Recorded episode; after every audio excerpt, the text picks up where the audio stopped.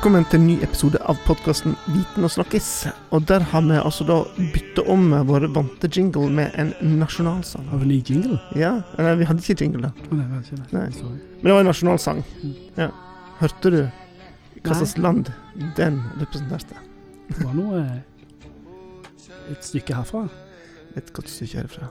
Det er India. Svaret er India. Et, eh, vi må snart ha en sånn eh, nasjonalsangquiz her. For En hel episode. en hel episode. vi skal snakke om India i dag. Eh, et svært land, stort folk, som vi av og til hører nyheter, men kanskje ikke så ofte som vi burde. Og da har vi invitert med oss eh, professor i utviklingsstudiet, Anne Valdrop. Velkommen. Jo, takk for det. Mm. Du kan India. Ja, jeg kan det. Holdt på med det ganske mange år nå. Ja. Mm. Hva som gjorde at uh, India ble din greie? Altså, det er egentlig ganske tilfeldig. Jeg, eh, jeg hadde besøkt India eh, to ganger som sånn ryggsekkturist og reist rundt der på 80-tallet da jeg var student. Eh, men så gjorde jeg feltarbeid til hovedoppgaven min i sosialantropologi i Ghana, eh, og var egentlig interessert i Afrika. Så søkte jeg jobb i eh, UNDP, FNs utviklingsfond, og da plasserer de ut folk. Og da ble jeg plassert i New Delhi, India. Ja. Og etterpå tok jeg en doktorgrad, og da var det gjort. Skal jeg si. Ja, Mm. jeg vet jo aldri hvor den havna hen. Nei. Hvordan tid sist var du i India nå? Jeg var der nå, kom hjem i slutten av oktober. Mm. Pleier å reise én gang i året. Mm. Mm. Og det forandret seg veldig siden du var der første gang. Ja, Ja. noe veldig. Altså Første gang var i 1986. Da reiste jeg rundt som ryggsekkturist eh, og var der i to måneder. Eh, da var det før de hadde såkalt åpnet økonomien og hadde fått mer sånn eh, nye India, da, mer globalisert og sånn. Så vi måtte jo ha med dopapir, vi måtte koke vann Mm. overalt. Det var ja, mm, helt andre forhold. En helt annen tid. Mm. Ja. Mm. Men du, Stig og jeg kan jo ikke så godt India, men vi har fått med oss noen sånn overskrifter i media Mm. eh, som vi tenkte skulle høre mer litt om. Og det, og det, det vi vil ha merke oss med først og fremst, er dette her eh, med vold mot kvinner. Som i hvert fall media framstiller som veldig brutale. eh, og, og voldsomme. Eh, hva er dette her for noe? Er det noe sånn spesielt med India, eller er det noe med kvinnesyn i det landet, eller hva, hva er det som skjer? Mm. Ja, nei, altså det er jo vanskelig å svare på. Det er komplisert. Det er klart eh, eh, Vold mot kvinner er et globalt problem. Det Mm. finner man over hele verden. Um, Uh, og hvis du sammenligner og ser på anmeldte voldtekter eh, i India f.eks. per innbygger, og en del andre land, f.eks. i USA, så sier en del statistikk at det er flere voldtekter per innbygger i USA enn i India. Eh, likevel så får India eh, navn som voldtektslandene, og New Delhi har blitt kalt voldtektshovedstaden. Um, og det er klart at altså, det er jo veldig store mørketall i, eh, i sånne voldtektsanmeldelser. Um, I India så har det faktisk gått opp de senere årene, uh, antall anmeldelser. Uh, sannsynligvis har ikke antall voldtekter gått opp, men bare at flere anmelder det. Um, I 2012 så var det, det var jo da India virkelig kom i nyhetene som et uh, land hvor det var grove voldssaker mot kvinner. Og da var det en eh, kvinne eh, som ble, var sammen med kjæresten sin, hadde vært på kino eh, i New Delhi eh, i nitida om kvelden, var på vei hjem. Så så de etter en buss, og så var det noen unge menn som hadde en buss og sa at dere kan sitte på med oss. Uh, og de eh, kjørte da langt av gårde og eh, voldtok henne svært, grovt. Heiv mannen av eh, bussen, kjæresten hennes. Og så døde hun noen uker senere på et sykehus. Eh, og hun ble liksom løftet fram som Indias datter, og, og det var veldig mye eh, rundt eh, det. Og masse demonstrasjoner da man liksom, India våknet litt, at nå må vi gjøre noe. For at det, lenge før den tid så hadde jo kvinnebevegelsen i årevis sagt at det er et stort problem med vold Mm. mot kvinner og, i India. Men det hadde på en måte ikke blitt tatt på alvor, da. Det ble et sånn kvinnepolitisk spørsmål som ikke nådde opp på den politiske agendaen. Men når det internasjonale mediedekningen nådde det, så, så, så, så ble det eh, ja, eh, mye omtalt i det, og man satte i gang ganske mange tiltak også for å prøve å, å gjøre noe med det eh, rundt omkring. Eh, og etter det så har jo eh, antall voldtektsanmeldelser gått opp. Mm. Så det er positivt ja. At de, Mm, mm, de mm. anmel- det blir anmeldt, iallfall. Mm. Ja, så da blir det anmeldt. Så da eh, Så når man Jeg sier at det er I hvert fall en del statistikk sier at det er mer i USA eh, per innbygger. Eh, så er det jo eh, kan det jo være at man rett og slett også anmelder mye mer i, i USA enn det man gjør i, i India. India. Eh, ja. Men, men hva er status for altså, likestillingen sett med norske øyne?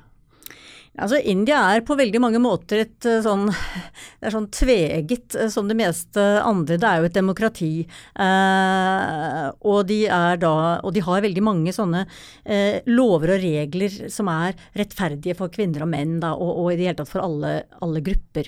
Eh, sånn at f.eks. kastediskriminering er jo forbudt.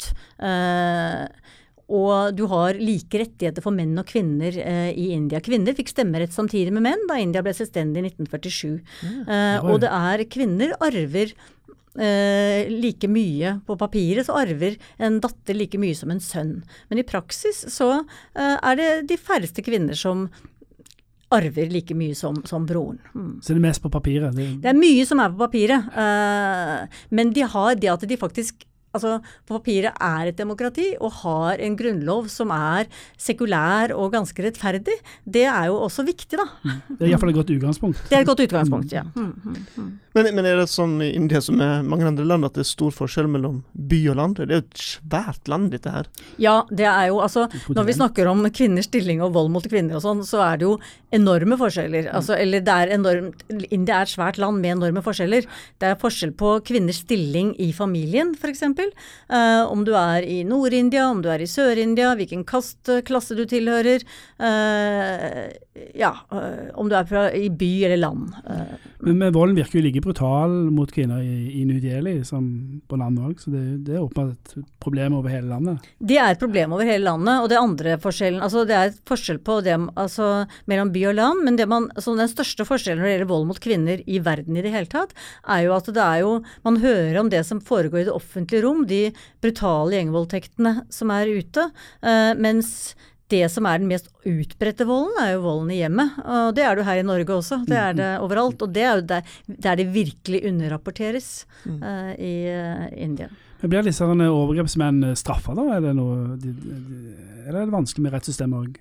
Det er jo Altså- bra på papir, iallfall. Ja, eh, altså rettssakene i India, der eh, går det langsomt. Eh, det går svært langsomt. Jeg vet om folk som har vært i arvetvister, og det har gått i tiårsperiode før ting har eh, eh, Og det har jo ikke vært tidligere, eh, før 2012 og i det hele tatt, så har jo altså kvinner som har anmeldt eh, voldtekt til politiet, man har jo sett og det har vært rapportert at politiet voldtar dem. Så du kommer og anmelder en voldtekt, og så blir du voldtatt av politiet. Så politiet har jo også vært til dels korrupt og ganske sånn, hva skal jeg si, mannssjåvinistisk, da, mange steder. Mm, så du får ikke, har ikke fått noen rettigheter der.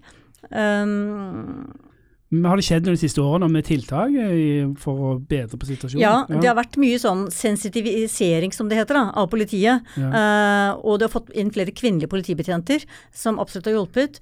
Man har satt i gang mye gatebelysning uh, rundt omkring. Uh, og noe nåværende statsminister Modi eh, har eh, vært opptatt av òg, er å ha sånn toalettkampanje.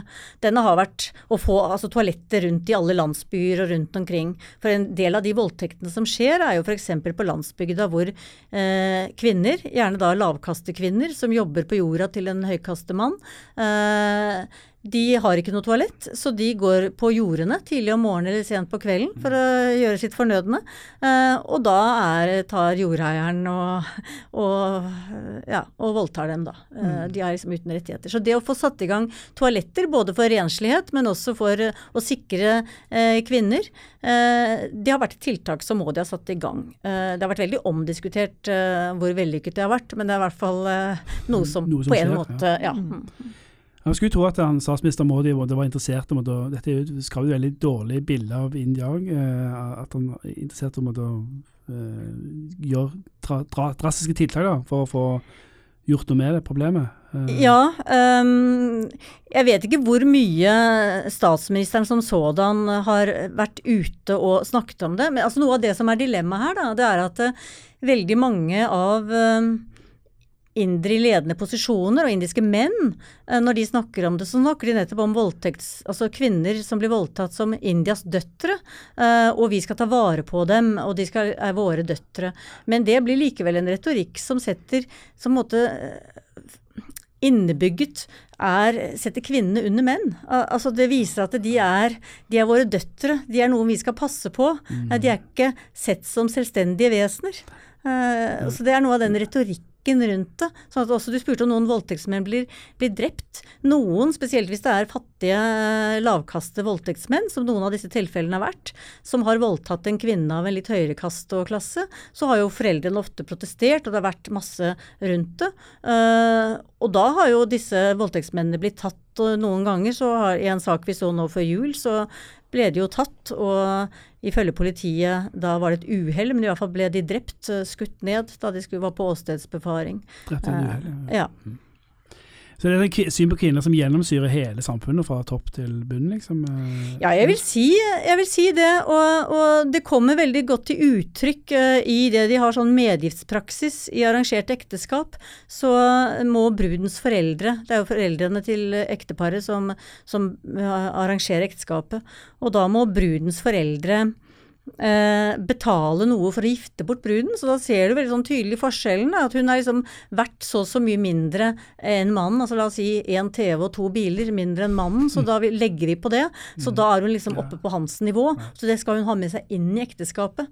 Istedenfor en brudepris som man finner en del steder i Afrika. Der er det jo fortsatt hva skal jeg si, sånn et mannssystem, da sett fra et mannsståsted, men da bytter man i hvert fall kvinnen mot en TV og noe Og her må du ha noe ekstra for her får hun ha noe ekstra for at hun i det hele tatt skal være verdt å gifte bort. Men det kommer enda tydeligere og mer alvorlig, for å si det sånn, da, til uttrykk når det gjelder kvinneunderskuddet. At det fødes eh, færre jentebabyer enn guttebabyer eh, i India. Fordi at man tar, eh, bruker ultralyd, og så tar folk abort eh, når det er et jentefoster. Ultralyd ble forbudt i 1994, vel. Eh, men likevel så gjøres Forbudt, ja. okay. det er forbudt. Det ble forbudt av, for dette kvinneunderskuddet har vært siden 80-tallet, ble det mm, funnet. Men skyldes det at det er så dyrt å ha jenter pga. at de- Altså Noen sier jo at det er derfor, uh, mens eh, det veldig mange andre indiske feminister og, og vil si, er jo at dette dreier seg om rett og slett På bånn av det hele er at kvinnene har en lavere verdi enn menn. Eh, Anne, eh, noe annet vi leser om i media, er noe som heter hindunasjonalisme. Eh, og, og det er òg noe som framstår som, i hvert fall i media, veldig voldsomt og voldelig. Hva, hva er det handler om? Hindunasjonalismen er jo en form for nasjonalisme som eh, man finner mange steder i verden, men eh, den er da i India blant hinduer. Eh, og den oppsto under kolonitida som en del av altså nasjonalistbevegelsen, selvstendighetsbevegelsen, for et fritt, selvstendig India. Eh, Men da fikk du veldig raskt to retninger av den eh, selvstendighetsbevegelsen. Og det ene var eh, da det som man kjenner med, Gandhi og Nehru, som var i Kongresspartiet. Som sto for et eh, sekulært India. Eller altså Gandhi var litt delt på akkurat dette der, da, men i hvert fall uh, at religioner skulle være likestilte, var Gandhi opptatt av. Nehru, som ble statsminister, var opptatt av det sekulære India. At skulle ha en sekulær grunnlov og et demokrati. Um, mens en annen retning av selvstendighetsbevegelsen var uh, da hindunasjonalistene, uh, som var opptatt av at du skulle ha et uh, selvstendig India, men at det selvstendige India var hinduistisk, altså basert på hindureligion, og at de var flertallet i At det var altså eh, India Bharat, som er liksom det indiske ordet for um, hindi-ordet for, for India, er eh, at det er altså Mother India, det er India som er hjemlandet, hinduenes land. Uh, som er knytta til akkurat denne halvøya, da. Så de, de vil ha et og, og, i denne selvstendighetsbevegelsen så hadde du også Jinnah, eh, som var leder for det muslim, Muslim League, muslimske ligaen. Eh, og han sto hardt på for at de skulle få et selvstendig Pakistan. For Pakistan, nåværende Pakistan var jo en del, og Bangladesh var jo en del av, av også indiske kolonien. Så eh, Jinnah ville ha et muslimsk stat for muslimene. Eh, Nehru ville ha eh, en uh, sta sekulær stat, og han var ikke så viktig om det var om det var egen muslimstat eller hvordan det var. Gandhi ville, stor, ikke, ville, ikke ha deling i det hele tatt. Ville at alle religioner skulle leve ved side om side. I samme land? Liksom. I samme land, ja. Men i hvert fall, eh, britene og gikk inn for Jinnahs vilje, og Nehru var pragmatisk og gikk inn for det. Og da fikk du et India som ble et sekulært land, og eh, Pakistan som ble muslimsk. Mm. Så i India da så har du da en stor muslimsk minoritet.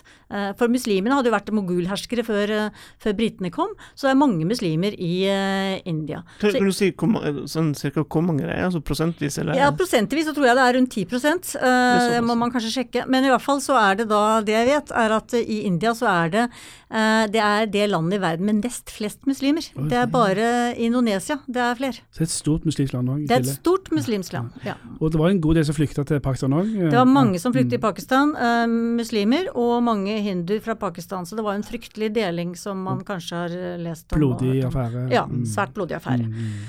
Men i hvert fall så uh, ble jo, kong, uh, ble jo uh, kongresspartiet Nehru ble, ble, leder etter selvstendigheten i 47, og da for dette sekulære kongresspartiet. Eh, og Gandhi ble jo da, må man, altså må man også si om hindunasjonalistene, da, de ville jo under annen verdenskrig Så ønsket de, var de ønsket å alliere seg med, med Tyskland, fordi at Tyskland da var motparten til britene for å hjelpe. Ja, ja. Og så var det nok også, som mange trekker fram nå i dag, at det kan ha vært visse parallelle trekk da, i nasjonalismen du fant i Tyskland, med den hindunasjonalisten du fant i, i India. Ja, mm. Så det er jo også da eh, mange vet at det var jo en hindunasjonalist som faktisk eh, skjøt og drepte Gandhi mm, i 48. Men likevel så var det Kongresspartiets linje som vant fram? Eh, Kongresspartiets linje vant fram, ja. men du har, sterk, du har, ikke hatt noe sterkt eh, hindunasjonalistisk parti i India før senere. Men du har hatt organisasjoner som har vært sterkt hindunasjonalistiske, som har vært framme hele tiden, og som fortsatt eksisterer. Mm. Men denne hindunasjonalismen, når kom den på, liksom, fikk den fart igjen da? Ja, den fikk fart, eh, kan du si. Eh, på sent 80-tall, og spesielt i, i, 1992 så hadde man dette som eh, det, er, det er, en by da, som heter Ayodhya i Nord-India, eh, hvor det lå en moské, en gammel egentlig litt ruin av en moské, men en gammel moské som var bygget under mogulene. Så et viktig eh, hellig sted for muslimer. Men hinduene påsto at den var bygget på det som var fødestedet til guden Ram som er også en hindugud, en viktig hindugud. Eh, så selv om han da er eh, en gud, så mente man da at han faktisk hadde eksistert. Der, eller om han har eksistert, eh, vet man ikke, men at det, da, det var fødestedet han, og at, hans, og at det hadde vært et tempel der, et hindutempel der opprinnelig. Så denne moskeen ble svært omstridt, og hindunasjonalister ønsket å rive den moskeen. Og i 1992, i november, da bodde jeg i India, jobbet i UNDP, da eh, hadde mange hindunasjonalister samlet seg rundt eh, moskeen i Ayodhya, og politiet eh, hadde, skulle gi beskyttelse for moskeen. da. At, men sannsynligvis fordi politiet selv var hinduer. I hvert fall så klarte disse hindunasjonalistene å bryte igjennom veldig raskt og bare klatra opp på taket av denne moskeen, som jo var i, i dårlig forfatning. Eh, men bare altså med steinøkser og hakkel så reiv de hele saken ned. Og det skapte enorme mm. opptøyer, som senere førte til at uh, muslimer med hjelp fra Pakistan eh, hadde en sånn bombeattentat i Mumbai eh, i 93. Ble det startskuddet for en ny bølge forbi hindunasjonalisme? Ja, ja. Så, så, dette var, altså, du kan si at hindunasjonalismen var var jo en ny bølge som hadde kommet allerede, fordi man da samlet samlet seg rundt Ayodhya. Uh, Så det ble et symbol på det.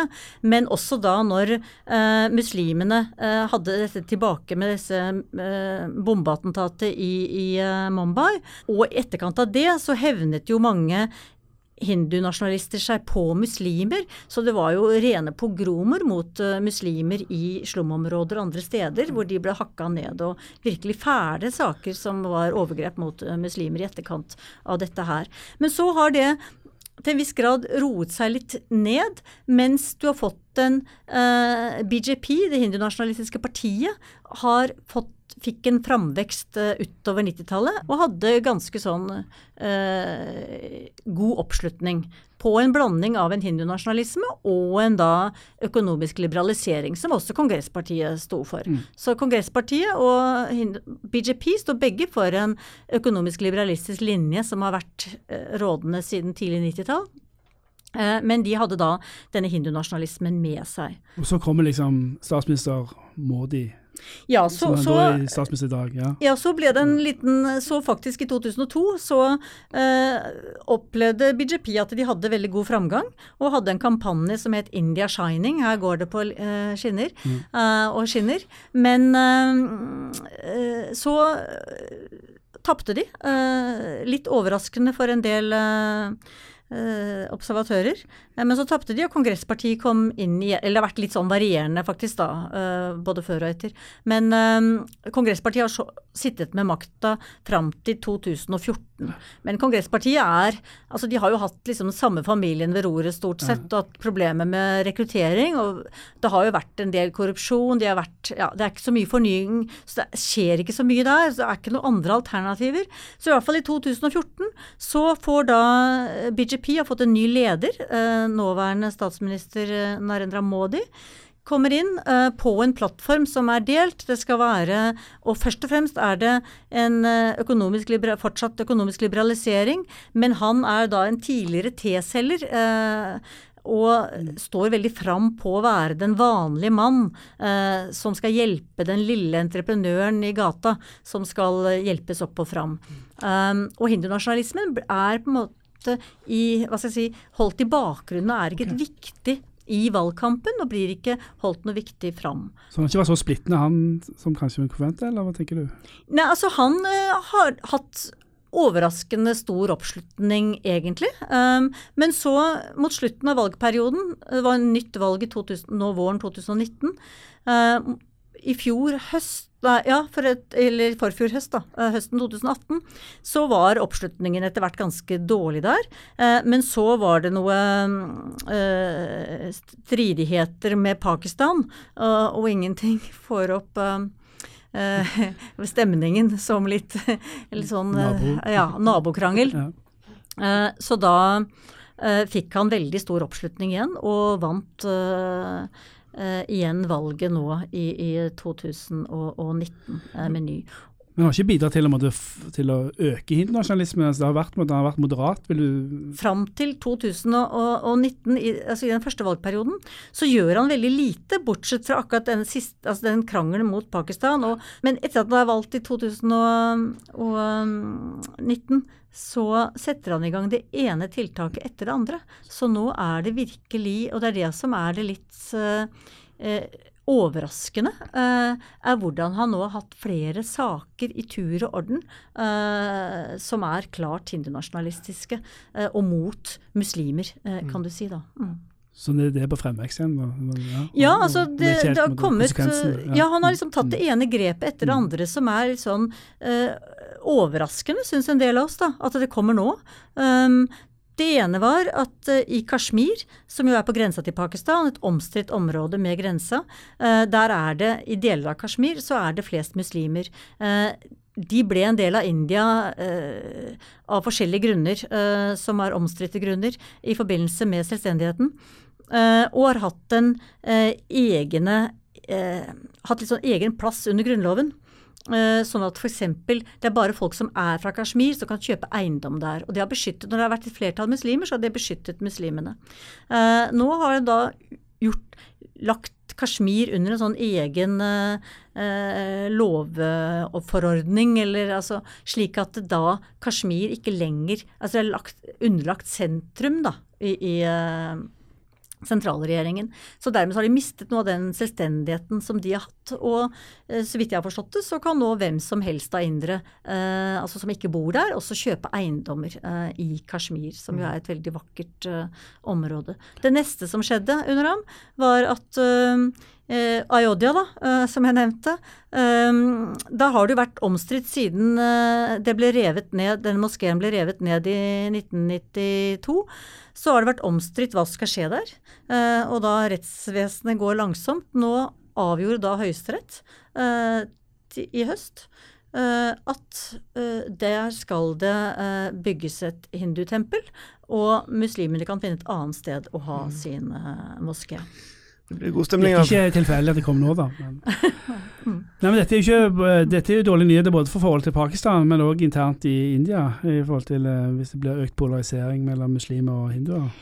Altså Det du kan si, er at uh, dette ser ut til å ha en enormt oppslutning blant uh, det store flertallet, som er hinduer. Mm. Uh, sånn at det er Han får en oppslutning blant og han, altså Det som skjedde også ved forrige valget nå, som var overraskende, det er at de som er lavkaster, eh, som generelt har stemt på kongresspartiet, og i hvert fall ikke på hindunasjonalistene, for det har vært et parti for mer høykastende, de stemmer også nå på, på BJP. Mm. Og da jeg var i India i eh, oktober, så snakket jeg med ja, flere vanlige folk rundt omkring. da, Eh, Og det var altså både den uh, Hva skal jeg si Hva de kunne finne på å si om muslimer av negative ting, overrasket meg. Helt mm. vanlige folk uh, jeg snakket med. Men også uh, hvor positive de var til Modi. var helt uh, overraskende. Ja, han fremstår seg som folkets mann, at han er ja, en av de? Ja, ja, ja langt på vei. Mm, mm. Nå har jeg nevnt uh, Kashmir og jeg har nevnt Ayodhya,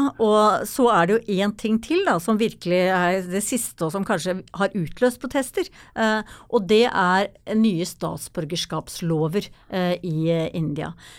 hvor det altså har kommet Over lang tid så har det jo kommet det man i India kaller infiltrat infiltratorer, eller infiltratører, okay. fra, fra, nabolandene har sneket seg over grensa inn i India. Um, og i Assam var det spesielt mange, for Assam ligger omringet av flere naboland. Um, uh, og da var det snakk om at man skulle, ha, skulle, kaste ut disse her og ha egne sånne detention camps uh, for, for uh, dem.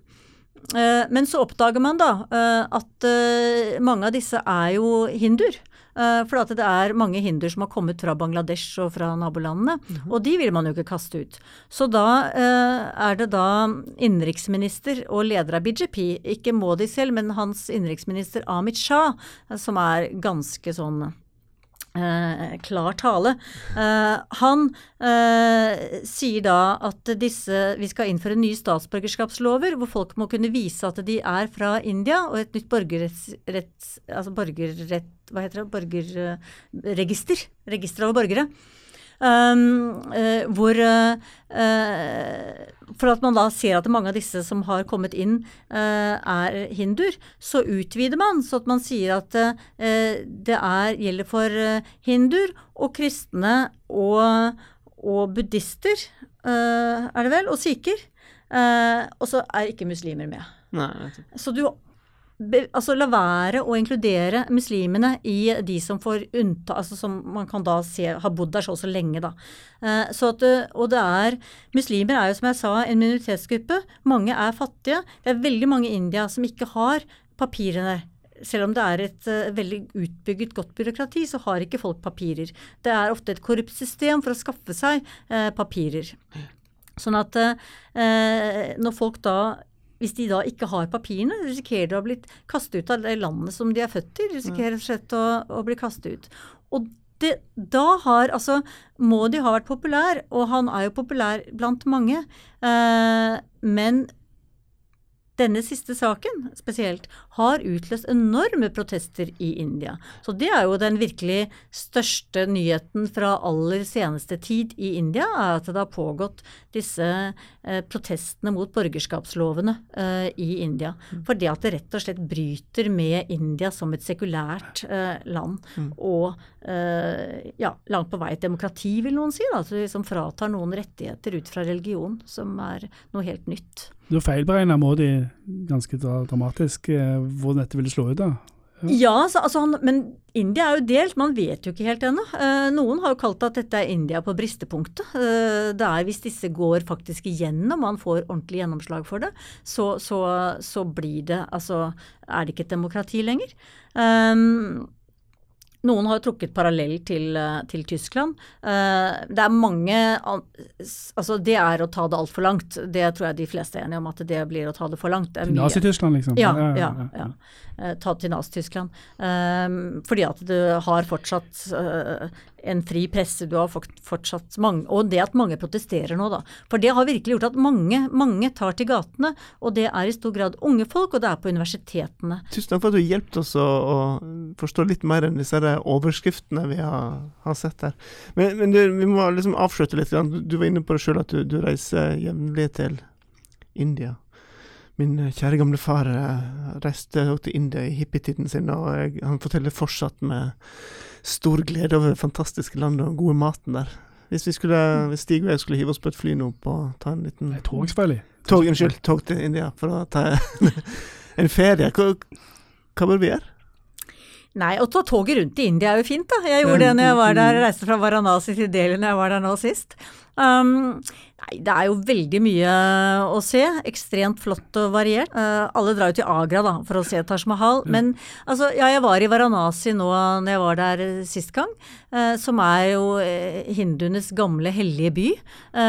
men det er også en veldig kosmopolitisk by. fordi at det har vært et sånn senter for, ja, for, religion, men også for mye i India. Så det er et fascinerende sted å dra. Veldig flott. Ellers så har jeg to andre favoritter når jeg har reist rundt i India. Det ene er Kerala, mm. som ligger i Sør-India. Som er et av de vakreste stedene på jorden. Eh, besøke teplantasjer i fjellene der, eller eh, gamle Cochin by, eh, hvor de kristne kom ja, i, på Jesu tid. Mm. Eh, og så er det utrolig flott. Det er lenge siden jeg har vært i, men jeg var i Darjeeling, og der skulle jeg veldig gjerne reise tilbake. De har teplantasjer, men også ja. oppe i Himalaya, da. Så du ser over mot liksom, Du ser Himalaya og er høyt oppe. Fantastisk eh, klima. Så er jo altså Indre kan nok kanskje framstå som eh, litt reserverte i utgangspunktet, men f.eks. reiser du på tog i India eller eh, eh, kommer rundt, så er folk også utrolig interessert i deg, hyggelige. Eh, og jeg må også si, jeg blir spurt da, som kvinne, er det ikke farlig å reise rundt i India, apropos voldtekter osv. Og, så og jeg har reist rundt alene, jeg har reist rundt med mann, jeg har reist rundt med barn. Eldste sønnen min er født i India, jeg har reist rundt med, med barn og vært rundt i India men også alene som kvinne. Og spesielt kanskje alene som kvinne, eller også med barn, så opplever man en sånn uh, imøtekommenhet og interesse, og at folk vil hjelpe deg. Uh, så det er uh, absolutt et, ja, et flott land. Ja, det er bare å hive seg på toget. Ja, det er det. Sette et par ekstra uker. Ja, må jo på en litt sånn ekspedisjon til India. Ja, det høres sånn Anne, tusen takk for at du ville komme og fortelle oss om eh, India og det som skjer der. Og så eh, til deg som hører på, så eh, du får ta turen til India sjøl, eller så får du lese mer av det Anne har, har forska på og skrevet kanskje om India. Vi tar og lenker opp til det vi kommer over av lesbarhet der. Så takk igjen. Og så, ja. Hyggelig å være her. Mm. Og til dere som hører på, nye episoder kommer selvsagt før du vet ordet av det, så følg med på Spotify eller der du hører på podkaster, så får du snart en ny episode av podkasten vår. Ha det bra.